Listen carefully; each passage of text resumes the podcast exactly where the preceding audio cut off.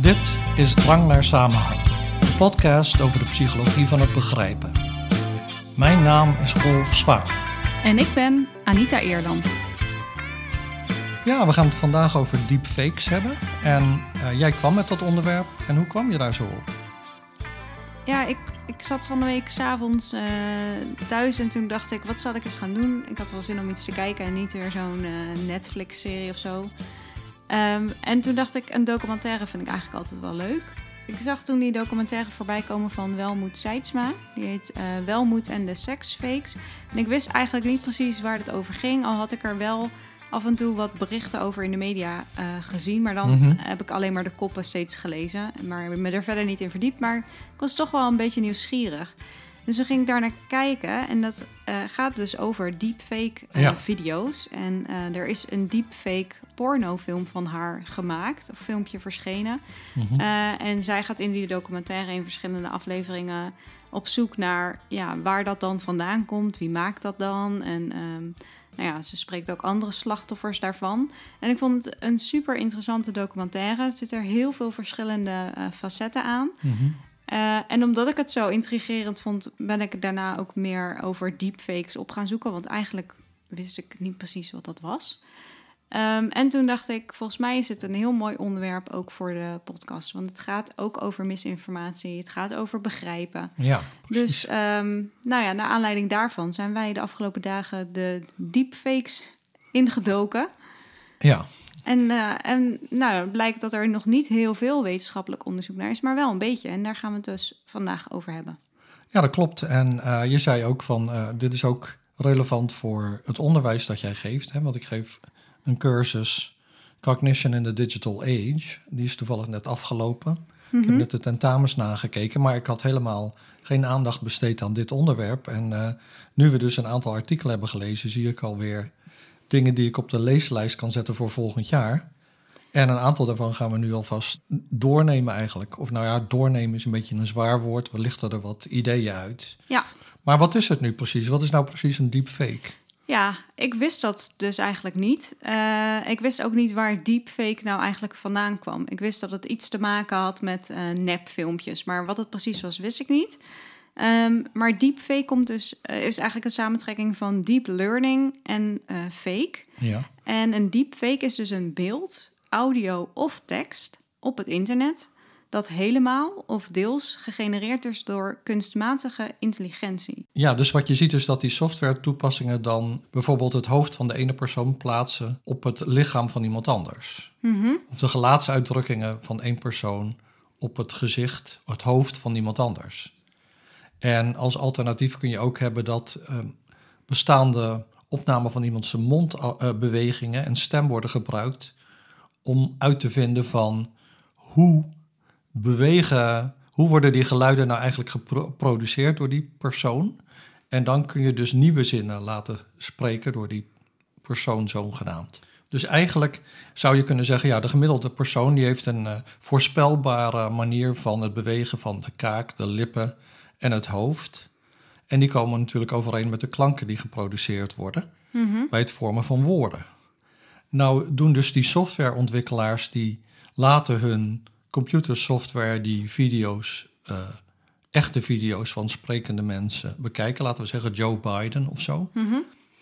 En dan vindt dat programma uit welke, wat daar de onderliggende processen zijn die er dus voor zorgen dat die geluiden geproduceerd worden, zodat je daarmee dan ook nieuwe geluiden of nieuwe woorden met diezelfde stem kunt produceren. En dat Ja. noemen ze dan reverse engineering. Dus reverse engineering is dat je een product hebt, maar je hebt niet de blauwdruk. Je moet eigenlijk uitvinden wat de blauwdruk is. En dus stel je voor dat er een uh, ruimteschip neerstort op aarde, Mm-hmm. een buiten, uh, buitenaards ruimteschip. Ja, dan weet je niet hoe het werkt. Je hebt het niet zelf gemaakt, er is geen blauwdruk. Maar dan kun je dus wel allemaal dingen gaan proberen om uit te vinden van hoe werkt dat ding nou eigenlijk. En zo is het dus ook met die stem. Wij hebben zelf geen idee hoe die stem van Joe Biden nu precies, of hoe dat, uh, die gelaatsuitdrukkingen en, nou ik moet eigenlijk zeggen de, de kaakspieren, de, de tong en de lippen, hoe die nu die klanken produceren. Maar zo'n computerprogramma kan kijken naar, oké, okay, bij dit geluid is dit Ja. de stand van de mond enzovoort. Precies. En dan uiteindelijk komen tot eh, welke processen daar dan onder liggen. En als je die dan eenmaal hebt, dan kun je dus nieuwe zinnen produceren Ja. in die eh, stem. Als alles goed gaat natuurlijk. ja, en dat betekent dus ook dat als je zo'n deepfake wil maken, dat dat dus makkelijker gaat en, en beter lukt naarmate je meer materiaal hebt van een bepaald Ja. persoon. Dus Ja, hoe klopt. meer beelden, hoe meer opnames je hebt, eh, hoe meer je in zo'n computerprogramma kan stoppen Ja, en hoe beter dan eh, de, die onderliggende processen eruit gehaald kunnen, worden kunnen worden en gebruikt kunnen worden voor, om, om nieuwe content eh, te creëren. Ja, dat is wat, wat je doet eigenlijk. Je, je, je onttrekt de, laten we zeggen, de blauwdruk eraan. Mhm. En dat zou je dus ook bij dat buitenaardse ruimteschip kunnen doen. Als je dus van alles geprobeerd hebt. Oh, zo werkt het ongeveer. Kun je een blauwdruk maken en dan kun je nieuwe ruimteschepen op die manier maken. Dus net zoals je dus nieuwe zinnen kunt maken op basis van de blauwdrukken van dat spraakproces van dat individu die jij nu hebt eh, geanalyseerd. Ja, en dat is dus wezenlijk anders dan wanneer je gewoon zelf eh, een hoofd van iemand photoshopt eh, Ja. op een ander plaatje of zo. Eh, Mhm. En je had een aantal jaar geleden, nu is het toch alweer bijna eh, naar de kerst toe gaan. Je had een aantal jaar geleden dat mensen dan elkaar e-cards stuurden, geloof ik. Mhm. Of filmpjes in een appgroep. Waarbij ze dan hun hele familie als kerst, dansende kerstelfjes hadden gemaakt. Weet je? Oh, dan ja. zie je heel Ja. duidelijk, dit zijn nou ja, verschillende hoofdjes. Die passen natuurlijk niet bij dat lijfje. Daar, iedereen vond dat ge- eh, grappig. Maar dat is dus niet een deepfake. Want dat is gewoon, daar, daar heb je niet zo'n Dat is een computerprogramma superficial voor fake. nodig. Een oppervlakkige fake. Ja. Een, eh, in ieder geval een hele duidelijke Ja. eh, fake.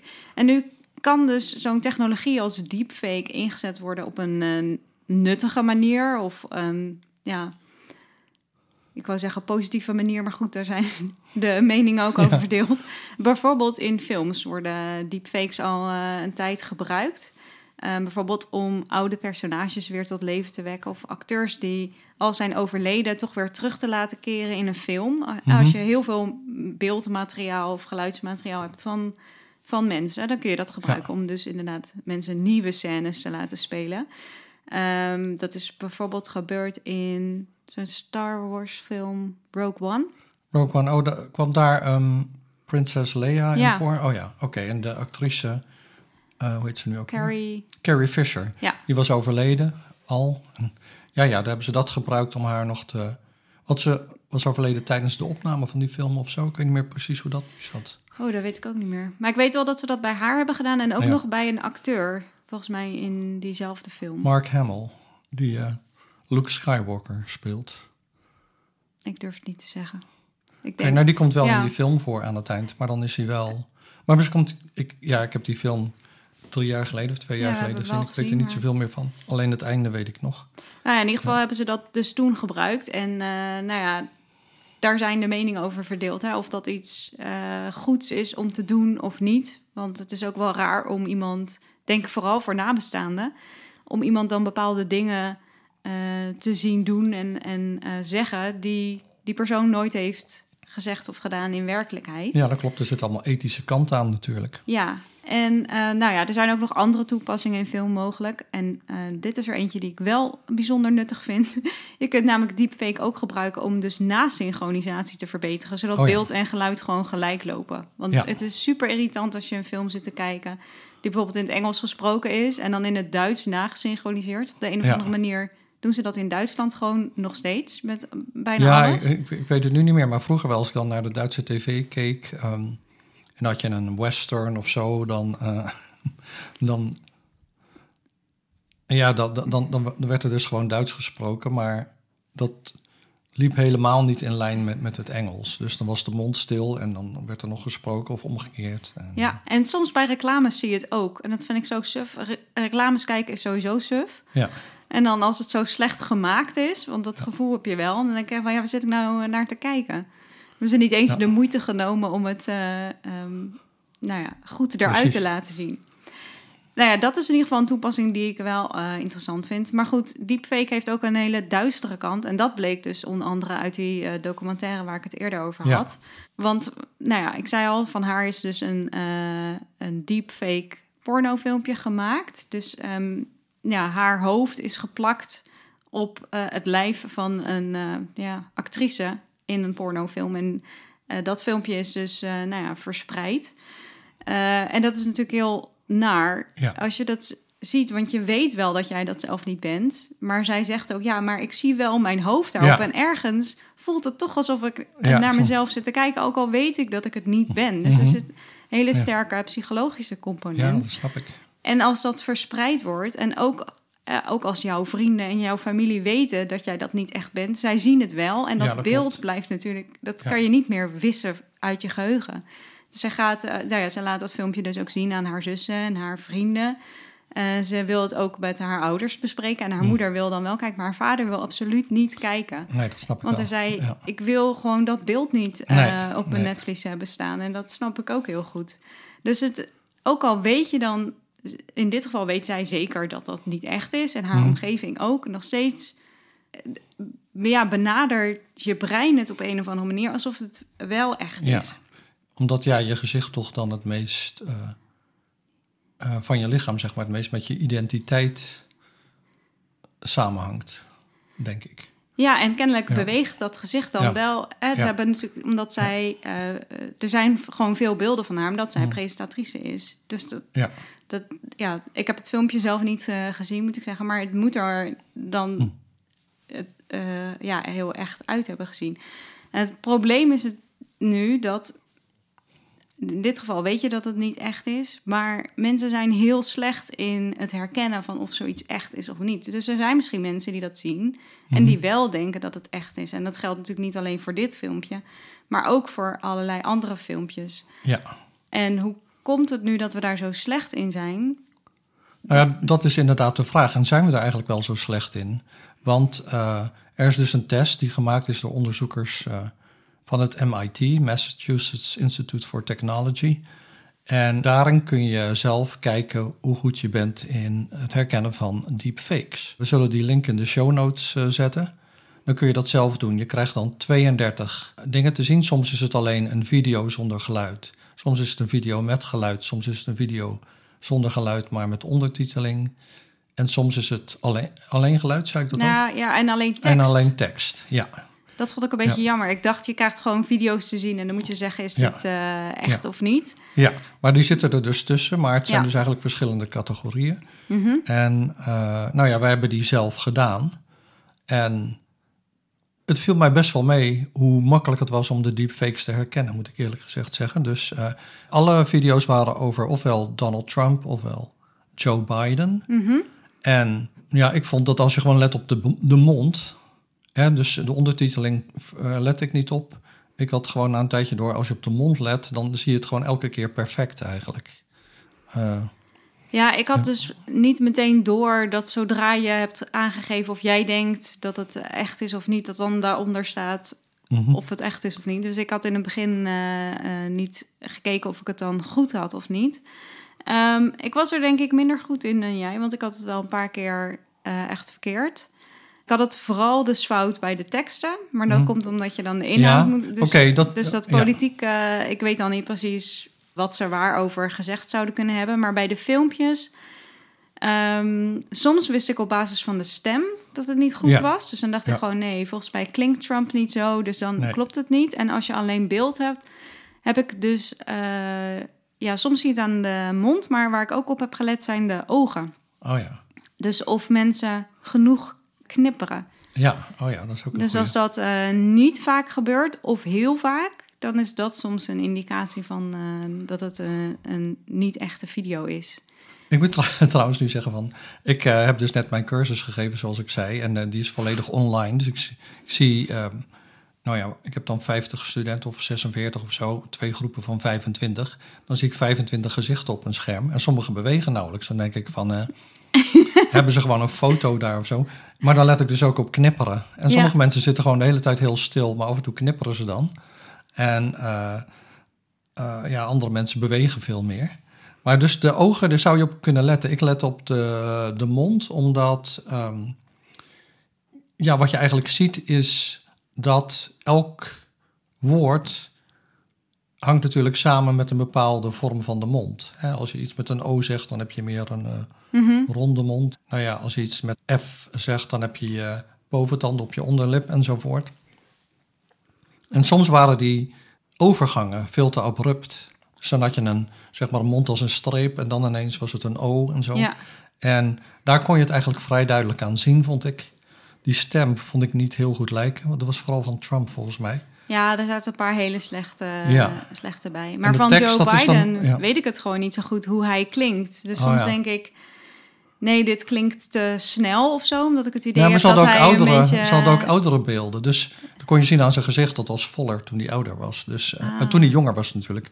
Ja, Eh, dus ze hadden één beeld, inderdaad. Dan heeft hij het over de... Nou ja, mensen moeten dat zelf maar gaan zien. Maar daar, daar was hij gewoon 10, 15 jaar jonger.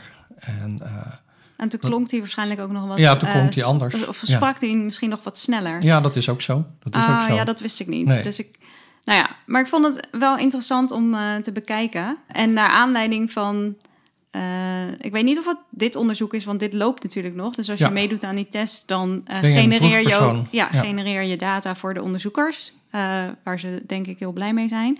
Maar ze hebben op basis van eerder onderzoek wel een lijst gemaakt met een aantal kenmerken waar je op kunt letten als je nu een deepfake video wil ehm, detecteren.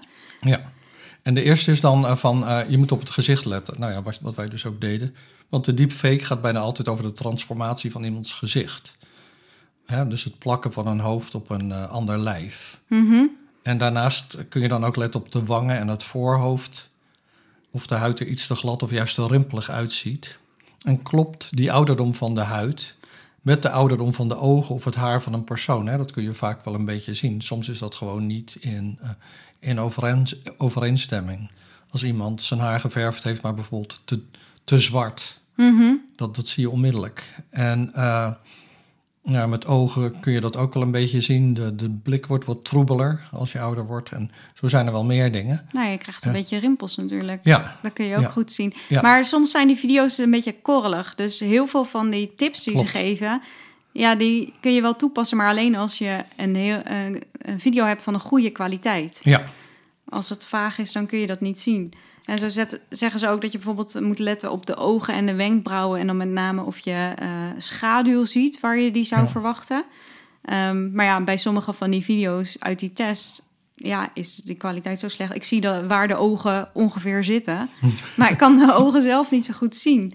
En ze zeggen ook, eh, dat was dan in dit geval niet van toepassing. eh, maar let eh, eventueel op een bril. Als mensen een bril dragen in de video, dan zie je dan een, een weerspiegeling in de glazen. En zie je dat dan veranderen als het hoofd beweegt. Dus Ja. als het hoofd draait of van boven naar beneden gaat, dan zou, je, zou die weerspiegeling moeten veranderen. Nou, dat is iets waar je op kunt letten. En let ook op de gezichtsbeharing. Dus ehm, ja, of juist het gebrek daaraan. Mhm. Want vaak wordt er gezichtsbeharing toegevoegd of weggehaald ja. eh, bij een deepfake. En kennelijk kunnen ze dat nog niet heel erg goed doen. Ehm, en ja, dan, dan ziet eh, bijvoorbeeld een, eh, een snor of een baard of een bakkenbaard ziet dan heel onnatuurlijk uit. ja Of als dat- het weggehaald wordt. Ja, ik weet niet hoe het er on- onnatuurlijk uitziet als het weggehaald wordt. Maar Nee, dat weet ik ook niet. nee, ik heb Maar geen dat- idee. En, en, en wat jij zegt is waar hoor, want ze zeggen ook, hè, MIT zegt ook, ja, je kunt ook letten op moedervlekken. Zien die er natuurlijk uit, maar in de beelden die zij dan geven in hun experiment, heb je veel te weinig detail. Ja, En eh, dan denk ik ook, ja, wij zijn toch geen dermatologen, dus hoe moeten we dat precies zo... eh, en, en een ander iets is let op het knipperen van de ogen. Want ik net Ja. al zei van, eh, ja, bij mij is het meer van leeft mijn student wel, is het, is het geen foto. en, maar als iemand te vaak knippert, dan kan dat ook ehm, een, een teken zijn. En, eh, en ook als iemand helemaal niet knippert. ja. Dus daar moet je op letten. En dan verder, ja, de grootte en de kleur van de lippen. En dat vond ik dus eigenlijk het belangrijkste. Nou, niet zozeer de grootte van de lippen en de kleur bij de rest van iemands gezicht. bij Trump is dat toevallig wat eigenaardig, maar... ehm, Dat komt omdat de rest van zijn gezicht zo'n rare kleur heeft. ja, ja, maar hij heeft ook zo- zo'n raar mondje. Maar goed, ehm, dat is geen wetenschappelijke observatie. Maar nee, maar het is wel een waar. kwestie van smaak. maar eh, hij... ehm, nou ja, ik vond, dat is allemaal leuk en eh, goed en wel... maar ik vond dat je dus eigenlijk in hun eigen video's veel makkelijker zag... door die abrupte bewegingen van de mond. Van een, eh, zeg maar, een, een soort ruststand, ineens naar een O en dan weer iets anders. En bij Trump zag je ook vaak de bovenlip een beetje Mhm. verdwijnen ineens. Dus ja. Misschien waren dit nog niet hele goede deepfakes, maar uh, ik weet het Uh. niet. Maar bij, met die, dat knipperen van die ogen heb ik dus wel gebruikt. ja. om ja, het te inderdaad. detecteren. Want verder, ja, ik heb bij sommigen geprobeerd te letten, want ik had dit lijstje al natuurlijk gezien voordat ik het, Ah. die tests ging doen. Eh, anders had ik er waarschijnlijk helemaal niks van gebakken. Maar ik had ook geprobeerd te letten op schaduw en licht, maar ja, dat is, ja, ik, ik kon dat niet zo goed. Dus daar had ik niet zoveel aan. Nee, het Ehm. is, eh, nou ja, de, de, de, de lippen, dat is toch wel belangrijk om te kunnen liplezen. Dus van sommige dingen, dan kon je gewoon ook zien wat de persoon zei, ook al was er geen geluid bij en geen ondertiteling. En dan, ja, er zit toch wel veel informatie in. Mhm. En als dat dus onnatuurlijk is, dat jouw vermogen om te liplezen eigenlijk wordt, wordt eh, gedwarsboomd, dan, eh, nou ja, dan heb je ook sneller door van, hé, hey, dit is een, een fake video. Ja. Nu is alleen de vraag natuurlijk, want je, je kan wel allemaal tips geven over hoe je ze beter kunt herkennen. Maar kunnen we nu met oefening echt beter worden hierin? En dat is een vraag die eh, in een recente studie is eh, beantwoord. Eh, ik zal de link daarnaar in de show notes zetten. En in dat onderzoek hebben ze gekeken of nou ja, mensen dus naarmate ze vaker oefenen met het, her- met, eh, het detecteren van deepfake video's, of ze er dan beter in worden. En ze hebben gekeken naar mensen individueel. Mhm. En ze hebben gekeken naar hoe machines dat doen, om te kijken of machines dat dan beter doen dan mensen. En wat ze hebben gedaan is eh, gekeken naar de wisdom of the crowd. Daar hebben we het eerder over gehad in aflevering 4 over fake news. Ja, Dus dan gooi je eh, alle individuen op één hoop en dan kijk je gemiddeld genomen kunnen mensen dan goed deepfake video's detecteren. Nou, dat kwam uit, heel kort door de bocht, want dat was een, een langer artikel natuurlijk, maar dat de wisdom of the crowd, dus het gemiddelde van mensen, Mhm. eh, vaak net zo goed is als een computermodel. ja. Dus dat is op zich wel eh, leuk. Eh, individuen doen het meestal slechter dan het computermodel, maar soms ook beter. En dat ligt dus heel erg aan de taak. ja, ja. En al, ze doen het dus vooral beter als het gaat om video's van bekende mensen. En ze namen dan Ja. bijvoorbeeld eh, Poetin als, eh, als voorbeeld. En waarschijnlijk doen mensen het dan beter dan eh, een computer, omdat mensen dan ook eh, meenemen in hun beoordeling wat er gezegd wordt. Dus qua inhoud. Is dit iets wat deze persoon gezegd zou kunnen hebben? Daar Mhm. heb ik ook op gelet bij Trump en Biden. Omdat ik Mhm. dacht, over dit. ik, weet, ik weet natuurlijk niet precies waar zij voor staan, maar van sommige onderwerpen weet ik wel ehm, min of meer hoe ze daarover zouden denken. Dus dan neem je dat toch mee. En dan, Ja. dan kun je dat mee laten wegen in jouw beslissing of een video echt is of niet.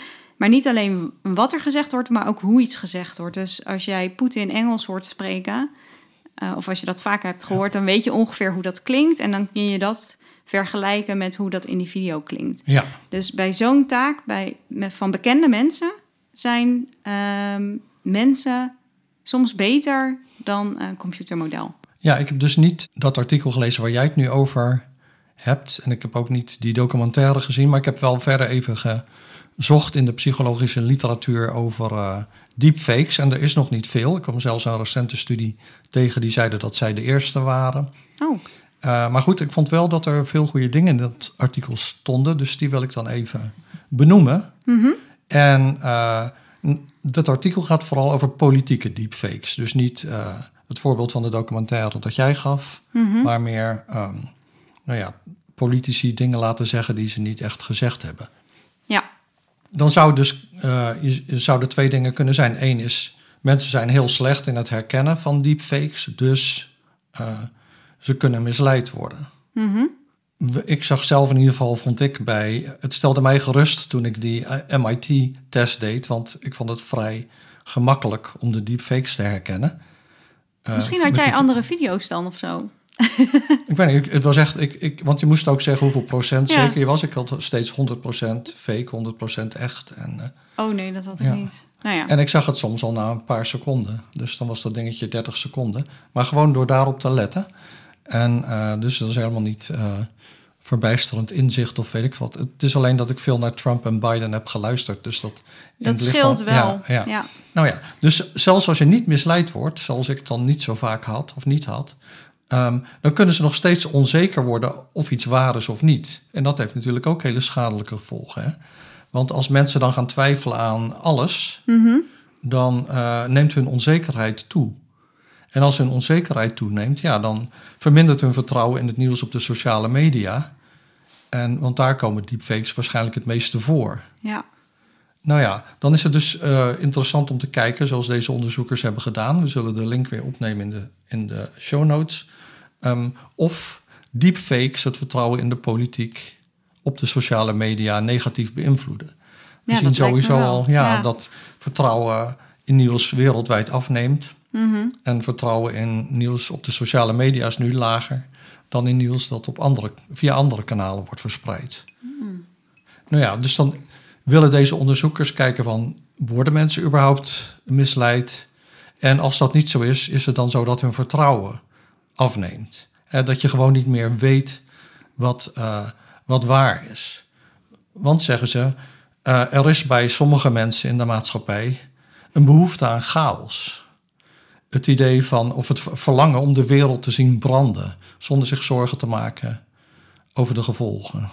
En zijn dat dan eh, mensen die daar eh, gebruik van kunnen maken als er chaos is? Dus ja, dat ook. bijvoorbeeld eh, de Russen? Ja, ja dat klopt. Dus je zou kunnen denken van sommige mensen die het niet meer zien zitten, zouden dat kunnen doen. Maar er zijn natuurlijk ook organisaties en regeringen die dat met een specifiek doel doen. Ja. En dat wordt inderdaad eh, gezegd over eh, wat, wat de Russen dan doen. Hun doel is om de informatieruimte te vernielen. En zodat het publiek eh, stopt met het zoeken naar de waarheid. Want er is alleen nog maar chaos. Ja. En als dat dus zo is, hè, Mhm. deze redenering klopt, dan moet je dus kijken van in hoeverre dragen deepfakes daaraan bij. Wat ze dan vinden, ze hebben dan een, een survey gedaan, ehm, is dat de deepfakes niet noodzakelijk eh, individuen bedriegen. Wat ook een beetje mijn ervaring was met die eh, video's die wij dan bekeken hebben. Bedoel je dat mensen er dus niet eh, altijd intrappen? Ja, Oké, Ja. dus Maar, maar die onderzoekers tonen wel aan dat, dat dus die video's onzekerheid kunnen zaaien. Mhm. En dat, eh, nou ja, dat ondermijnt dan het vertrouwen in het nieuws op de sociale media. ja, dat is waarschijnlijk alleen al doordat je materiaal te zien krijgt en je moet zeggen of je denkt dat het echt is of niet. Daardoor eh, wordt er al tegen jou gezegd dat er twijfel Ja, eh, kan zijn. ja, dat klopt. En daardoor ga je bij, el- bij alles wat je ziet, ga je je afvragen: is dit echt of niet? Ja, En dat is iets wat we niet gewend zijn van Nee. nature. nou ja, dan is natuurlijk de vraag, wat kun je daar nou aan doen?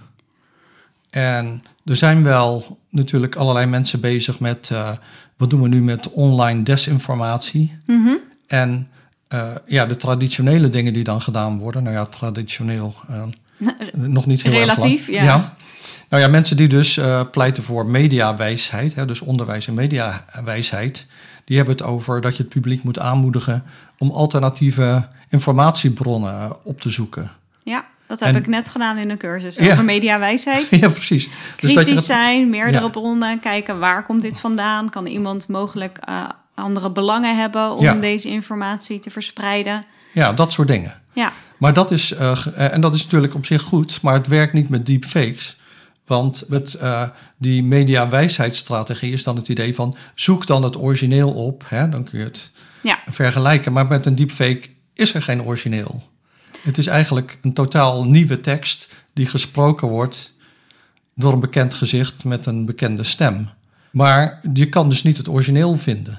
nee, Dus dat werkt niet. Je kan niet naar de bron gaan zoeken. Ja, en dan is het ook zo als je de hele tijd maar allerlei video's moet gaan controleren op of ze echt zijn of niet. Dan is dat natuurlijk moeilijk, want die deepfakes worden steeds beter.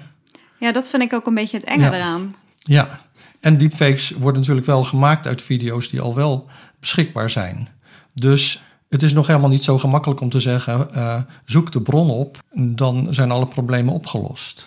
Nou, die, eh, dus de rol die die politieke deepfakes dan spelen, in de, in, ja, of in de toekomst gaan spelen, ja, dat hangt er dus van eindelijk- uh, uiteindelijk vanaf hoe verschillende mensen in het informatiesysteem eh, daarmee omgaan met die deepfakes. En dan kun je denken aan technologie, bedrijven, sociale media platforms, journalisten en factcheckers, burgers en onderzoekers. Dus die hebben allemaal te maken met deepfakes. En een technologiebedrijf bijvoorbeeld, die gaan artificial intelligence tool ontwikkelen om synthetische representaties van mensen te ontwikkelen, kunstmatige Mhm. representaties van mensen. En die kunnen dat dus doen voor een eh, goed doel. Eh, bijvoorbeeld een, eh, laten zeggen, een elektronische tutor. Een online tutor voor iemand die wil leren te programmeren in een bepaalde taal. Of eh, eh, iets over muziektheorie. Of eh, hoe je een vogelhuisje bouwt. Dat soort dingen. En dus, dus dat zouden goede dingen kunnen zijn. Maar ja, die politieke deepfakes zijn natuurlijk geen goede dingen. Maar diezelfde bedrijven zouden dus hun zouden programma's kunnen maken die die deepfakes automatisch kunnen herkennen. Mhm. En dat zou kunnen door zo'n programma te trainen. En dan geef je ze een echt iets en een deepfake van diezelfde persoon, van Joe Biden. En dan moet het programma raden wat echt is en wat niet. En dan krijgt het feedback van dit was fout en dit was goed. En op basis daarvan leert het meer. Ja. En dan zal het daar steeds beter in worden.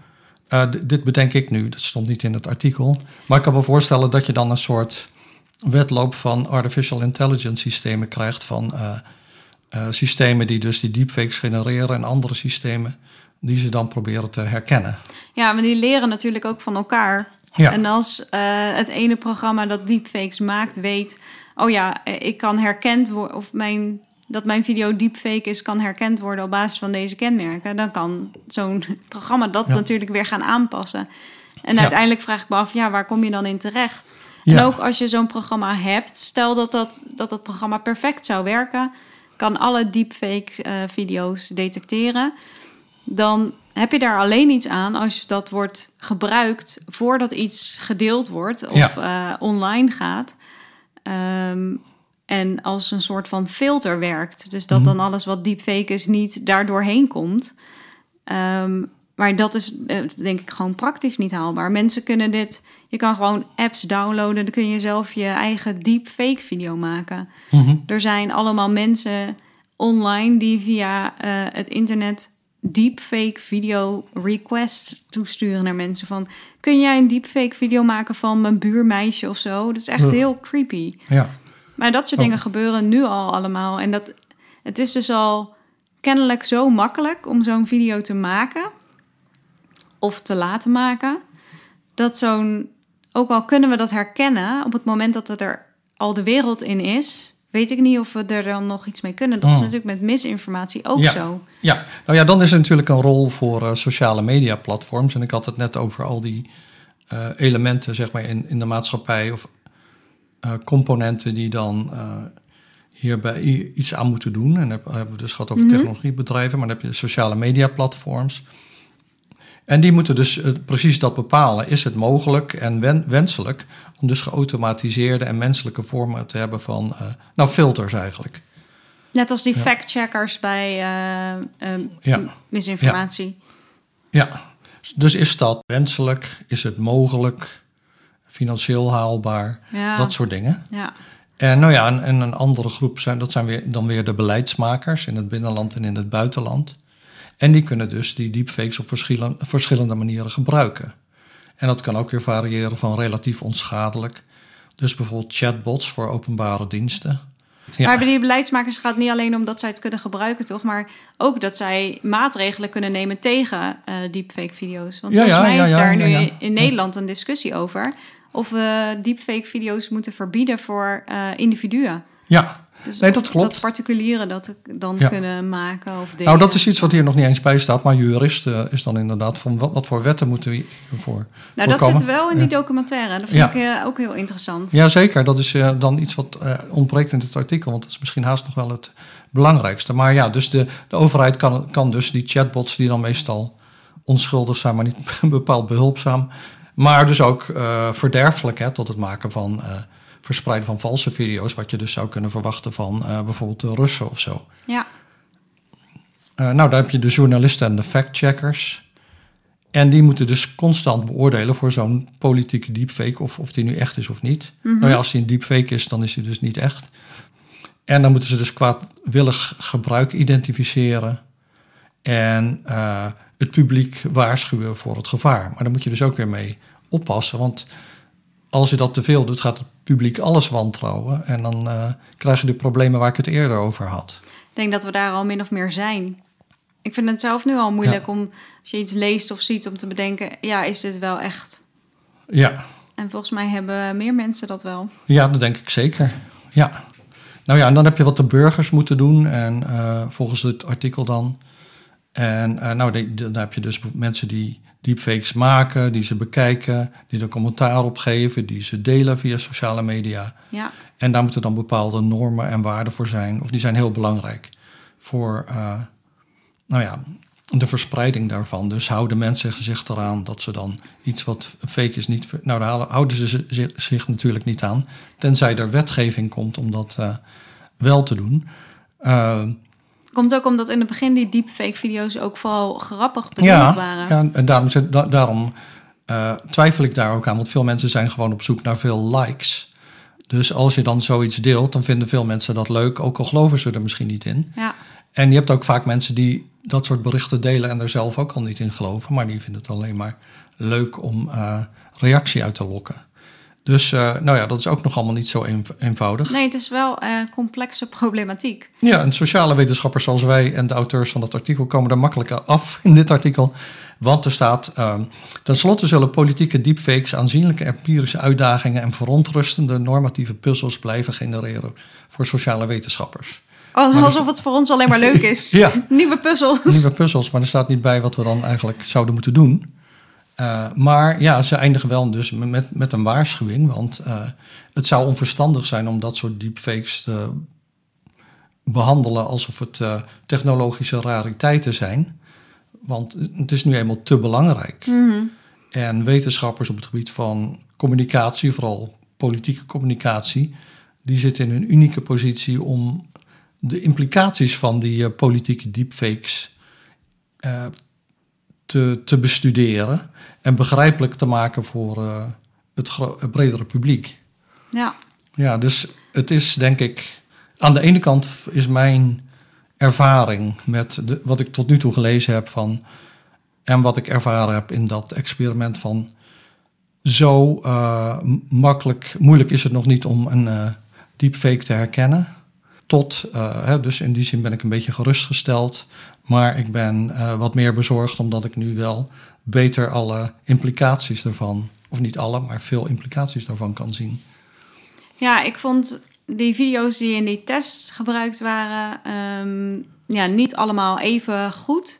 Maar ik maak me wel echt zorgen om de kwaliteit van de deepfake-video's. Dat die ja, steeds, die beter, steeds worden. Ja. En ik denk als uh, dat filmpje dat wel moet over zichzelf had gevonden, als mm. dat er echt heel nep uit had gezien, dan zouden de reacties daarop ook heel anders zijn geweest. Dus ik ja. denk dat dat wel echt uh, vrij echt was.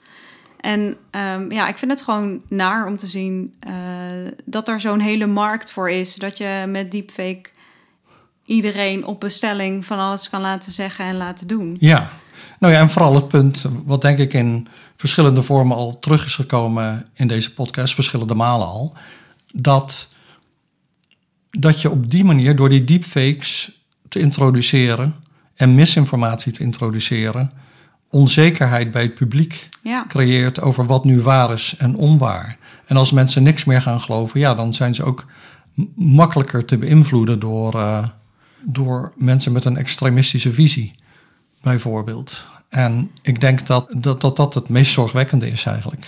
Kunnen we nog wel op een positieve noot eindigen of niet? Ja, Namelijk dat ik zo wel zin heb in een speciaal biertje. Want je hebt wel die ene podcast, uh, Engelstalig, Two Psychologists, Four Beers. Hè, die drinken met z'n tweeën altijd allebei twee speciaal biertjes tijdens hun uitzending. En jij krijgt wij... van mij alleen maar thee. ja, wij zijn Two Psychologists, Two Tea. Um, dus uh, ik heb nu wel zin in een bier. Nou, hebben we ook wel verdiend, vind ik. Vond je dit een leuke aflevering? Abonneer je dan. Een beoordeling met 5 sterren helpt andere mensen ook om onze podcast te vinden. Behoefte aan meer drang naar samenhang? Ga dan naar de boekwinkel of bestel het boek online.